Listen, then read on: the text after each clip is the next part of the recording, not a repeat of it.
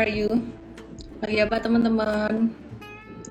Oke, hari ini marketnya merah ya, as anticipated, uh, as, as anticipated. Wah, ngomongnya belibet banget. Ntar, aku rapiin dulu layar aku. As anticipated ya IHSG koreksi uh, beberapa hari kemarin kita udah sempat bahas kalau IHSG rawan koreksi dan hari ini IHSG turun termasuk juga saham-saham batubara dan juga saham-saham konstruksi. Jadi gimana nih uh, bakalan bakalan lanjut turun atau enggak nih ya. Jadi kita lihat dulu IHSG gimana ya. Kita lihat dulu IHSG-nya gimana.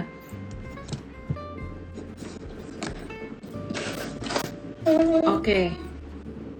Okay. Ya ini. Ini chart IHSG.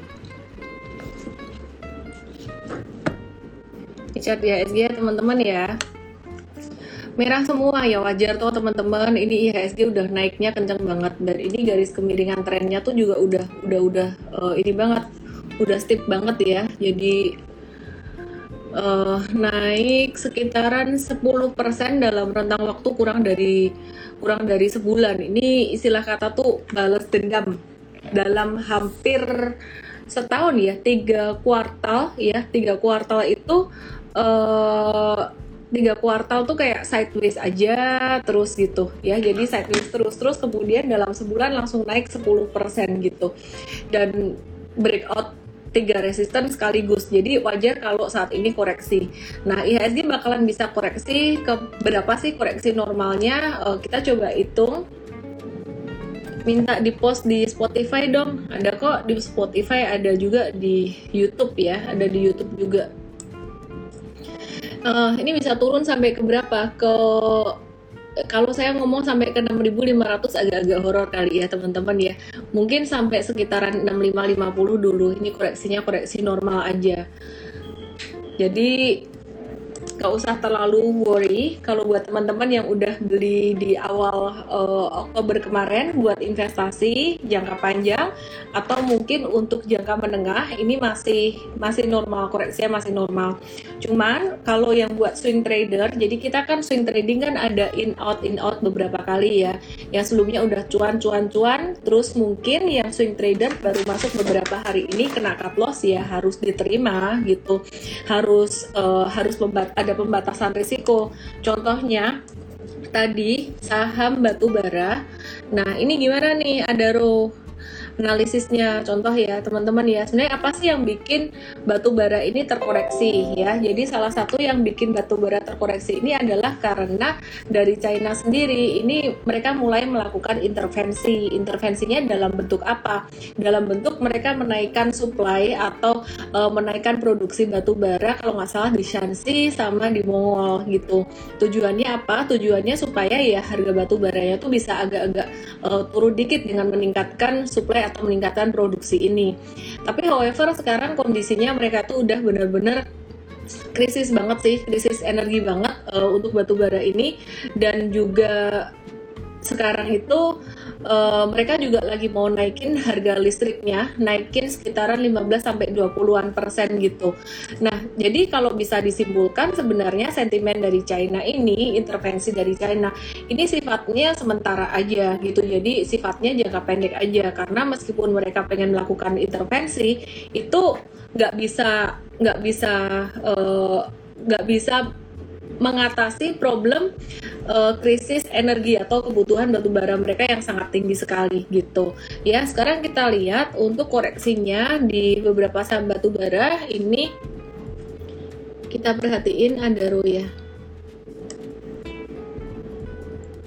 Oke, kita perhatiin di sini uh, kalau aku tarik dari Fibonacci di sini nih masih belum kena Fibo 618 nya cuman ini di sini kena uh, MA 20 kena MA 20 nya dan gap down. Terus kemudian volume transaksinya hari ini agak tinggi. Jadi hari ini Mtrade memutuskan untuk exit dulu buat Adaro ya. Jadi kita ada uh, cut loss untuk beberapa saham batu bara terus kemudian PTBA juga sama saham-saham ini sama mirip semua. Mungkin ada yang nanya wah itu kan di area support tuh uh, lagi di area support 2270 gitu. Uh, untuk PTBA-nya Adaro juga tadi di area support MA20-nya jangan-jangan besok ada technical rebound.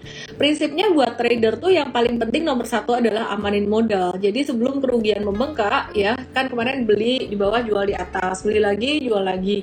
Nah sekarang ada beli lagi uh, kemarin pas habis jatuh terus kemudian kita beli pas pantulan. Kalau misalkan sekarang ternyata dia gagal lanjut naik ya kita harus cut loss gitu. Prinsipnya trader adalah selamatin modal dulu. Kalau sampai ada rugi ya kita uh, exit dulu. Itu untuk swing tradernya. Nah kalau untuk trader jangka menengahnya gimana? Kalau teman-teman yang punya PTBA yang punya Adaro uh, profitnya udah sekitaran aku hitung ya sekitaran mungkin 20-an persen atau 30-an persen masih bisa ngehold teman-teman. Cuman kalau yang bantalan cuannya dikit sekitaran 5 persenan gitu atau 10 persenan better uh, kurangin posisi dulu. Terutama kalau besok lanjut turun lagi artinya itu confirm breakdown. Sebenarnya hari ini tuh masih ketahan di supportnya tapi kita udah antisipa antisipasi uh, kenapa? Karena mathematical loss kita tuh udah mulai kena gitu. Terus kemudian Indi ya, saham Indika Energy. Nah, ini Indika Energy juga sama, teman-teman kalau perhatiin.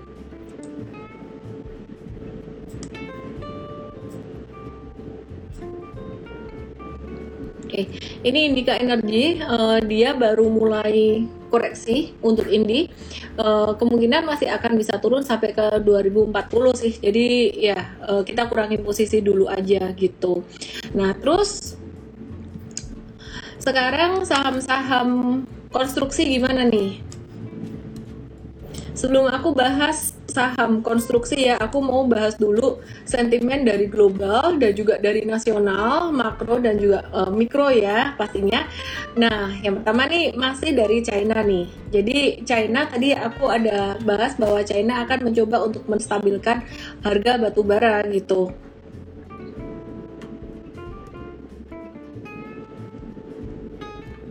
Tapi meskipun dari China dia mau stabilin harga batu bara, uh, harga harga batu bara di Newcastle sendiri ini masih naik 0,7 persen. Jadi uh, kayaknya ini bakalan nggak nggak terlalu signifikan efeknya. Terus nanti malam itu bakalan dirilis data jobless claim dari US, uh, di mana angkanya diperkirakan mulai melandai gitu dan juga mulai membaik gitu ya. Jadi ini menunjukkan hal yang positif karena uh, pasar tenaga kerja di Amerika itu udah mulai membaik, tingkat penganggurannya udah mulai menurun gitu. Nah, terus ada sentimen positif uh, relaksasi ini berlanjut ya. KPR dan juga KKB ini uh, dilanjutkan lagi. Dampaknya akan terasa positif buat sektor properti pastinya dan juga otomotif untuk Astra International dan uh, kalau perbankan yang diuntungin siapa? Yang yang bakalan diuntungin itu salah satunya adalah BTN karena BTN ini banyak banget KPR-nya ya. Jadi BTN ini dengan dengan relaksasi KPR dan KKB ini itu pertumbuhan KPR-nya BTN ini bisa sekitar 10 sampai 12% persen dibandingkan dengan tahun ini yang naik hanya 8 sampai 9% persen aja gitu. Nah, jadi sama dengan BTN, eh, BNGA dan juga BBNI ini juga akan mencatatkan pertumbuhan KPR 7 sampai 8% persen tahunan. Uh, ya, dan bakalan bisa tumbuh double digit tahun depan dengan adanya relaksasi KPR dan KKB ini gitu. Nah, terus bicara tentang reopening ekonomi nih, udah mulai uh, udah mulai rame ya, udah mulai rame ya di mana-mana ya. Uh, teman-teman, saat ini supermarket hingga mall itu udah boleh buka 100% di wilayah PPKM Jawa Bali level 1 gitu. Nah, jadi ini bakalan uh, positif juga untuk sektor retail, kita akan buat untuk sektor retailnya. Nah, terus uh, konstruksi nih, sentimen untuk konstruksi. Banyak yang banyak uh, ini yang pindah ke perusahaan digital ya untuk uh, sektor konstruksi ini dikarenakan pemerintah itu akan menghentikan injeksi modal terhadap performa BUMN yang merugi. Jadi ini jadi sentimen positif, uh, sorry sentimen negatif hari ini gitu. Jadi uh, ya jadi BUMN-nya tuh masih bergantung BUMN konstruksi ini masih bergantung pada injeksi modal pemerintah APBN. Nah, sekarang pemerintah masih mengutamakan uh, untuk COVID-19 pemulihan ekonomi karena COVID-19 gitu. Nah, jadi teman-teman apa yang harus dilakukan untuk saham-saham konstruksi? Ada banyak yang nanya ya konstruksi gimana? Uh, batu bara turun karena apa ya Yohans? Tadi aku udah bahas sih intinya karena China intervensi. Nah China intervensi ini sifatnya temporer aja. Nanti uh, meskipun mereka intervensi kondisinya tuh masih sangat-sangat krisis batu bara banget gitu. Jadi uh, masih akan ada demand yang cukup tinggi untuk batu bara. Jadi untuk trading aja. Oke? okay? Nah ini WSKT, WSKT kemarin kita ada mention bahwa dia tuh naik tapi volumenya turun. Jadinya agak-agak divergen. Dan hari ini dia turun lumayan dalam untuk WSKT-nya dengan uh, volumenya sih nggak begitu besar ya. Nah apakah ini bisa jadi kesempatan WSKT ini Wika naiknya ketinggian? Cuman ini udah dekat banget juga dengan MA 20 nya dia gitu. Kalau Wika supportnya di level 1305 jadi di level ini kita boleh wait and see lah ya. Jadi uh, bisa wait and see di level 1305 ini uh, kalau misalkan ternyata dia keluar hijau ini bisa potensial untuk buy on weakness. Tapi sebaiknya ya tunggu dulu aja. Kalau misalkan merah turun berarti dia confirm uh, patah trennya yang jangka menengah boleh keluar juga. Jadi teman-teman di sini meskipun meskipun kemarin kita ada plan untuk jangka menengah seandainya uh, eh, MA20 itu breakdown ya yang jangka menengah exit dulu. Jadi jangan dipaksain kayak wah aku belum ngehold sampai tiga bulan kok nggak harus sampai tiga bulan. Biasa kita pakai MA20 salah satunya. Kalau patah ya keluar dulu nggak apa-apa. Nah terus ini banyak yang nanya nih uh, eh, BCA BCA ini bakalan bisa turun sampai berapa sih gitu kita bisa beli BCA di level berapa nah untuk saham-saham konstruksi yang lainnya mengikuti juga ya teman-teman ya Enggak, ini kalaupun koreksi sampai parah-parahnya banget tuh sampai level 7150 7125an gitu. Jadi ya itu pun susah dapatnya susah gitu. Ya jadi ini level yang udah cukup terdiskon untuk jangka pendek gitu. Nah untuk fundamentalnya sendiri untuk BCA ini uh, dia mencatat year on year sampai akhir September 2021 gitu. Ya jadi pertumbuhan kreditnya ini BCA ini juga didorong karena membaiknya permintaan dari segmen korporasi dan juga KPR juga. Seperti yang tadi kita uh, bilang ya ada relaksasi untuk KPR dan KKB juga gitu. Di mana kredit pada dua segmen segmen itu uh, untuk korporasi dan juga KPR itu naik sekitaran 7% dan juga 6,5% untuk KPR-nya year on year gitu ya. Jadi cukup oke. Okay. Nah, masih dari perbankan, masih dari perbankan uh, di BTN ini meskipun technically kita harus wait and see dulu, tapi fundamentalnya masih bisa di watch untuk BTN. BTN ini dia berhasil mencatatkan laba bersih 35,2 persen ya secara pertumbuhannya pertumbuhannya ya. Jadi naik 35,32 persen secara tahunan atau year on year uh, jadi 1,52 triliun dibandingin dengan periode yang sama tahun lalu tuh cuma 1,12 triliun. Nah kalau tadi BCA itu kenaikan labanya didorong oleh uh, kenaikan dari pendanaan terus kemudian apa namanya sorry kenaikan dari uh, korporasi segmen korporasi dan juga KPR kalau BTN ini BTN ini dia naik labanya tuh laba bersihnya naik ditopang dari pertumbuhan penyaluran kredit serta efisiensi biaya dana atau cost of fundnya dia gitu. Jadi ada efisiensi. Nah terus BJBR BJBR ini juga hari ini turun lumayan signifikan ya. Hari ini turun lumayan signifikan karena sell on news ada uh, sell on news dari sentimen positif sih sebenarnya. Uh, lucunya ya, ketika ada berita positif, BJBR raih penghargaan The Best Financial Performance Bank itu udah discounted beberapa hari yang sebelumnya dia udah naik dan hari ini turun.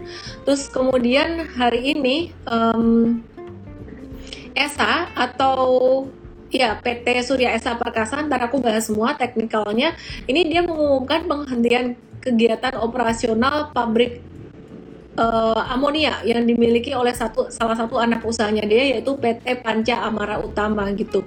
Karena ada kegiatan turnaround maintenance ya. Uh, tapi sebenarnya itu nggak berpengaruh buat ESA dalam jangka menengah sih. Ini ESA kalau aku bilang teknikalnya kayak gini ini profit taking jangka pendek aja sebenarnya trader-tradernya pada profit taking gitu. Ini koreksi normal ESA nya koreksi normal di sini ya ini jadi esanya nih di sini turun aja koreksi normal aja. Terus di sini beli B Junaidi Jiang beli BCA beres semua masalah. Iya sih kalau teman-teman males uh, trading atau apa beli BCA kelar masalah sih. Aku review saham perbankan uh, besarnya dulu ya teman-teman ya Ya, ini BRI baru turun sehari, masih bisa turun lagi. Ini udah anticipated sebelumnya, kita udah bahas berkali-kali bahwa bakalan ada koreksi, bakalan ada koreksi, dan koreksi itu normal. Jangan sampai dianggap bahwa wah naik terus, naik terus harus uh, sadar bahwa koreksi itu normal. BRI bisa turun sampai ke berapa? BRI dia bakalan bisa turun sampai ke 4250 sampai 4170 mungkin. Tapi 4250 udah cukup dalam lah dan ini jadi kesempatan untuk uh, entry buat teman-teman yang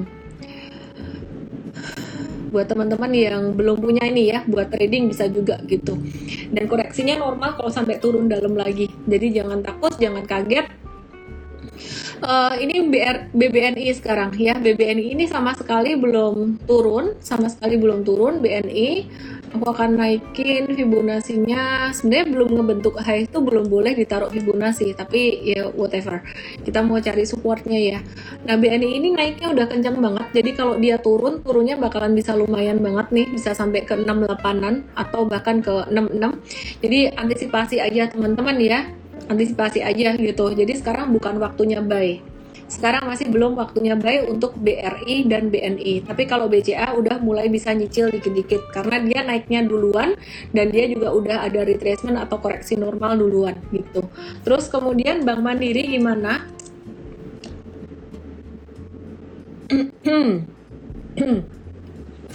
Agak nggak enak tenggorokan. ya, ini Bank Mandiri ya. Bank Mandiri nih teman-teman perhatikan di sini ini ada satu support uh, 7075 dapat uh, high di sini. Terus bisa turunnya lumayan sih Bank Mandiri ini. Aku tarik agak ke sini aja deh biar lebih realistis koreksinya 7000 sekitar 6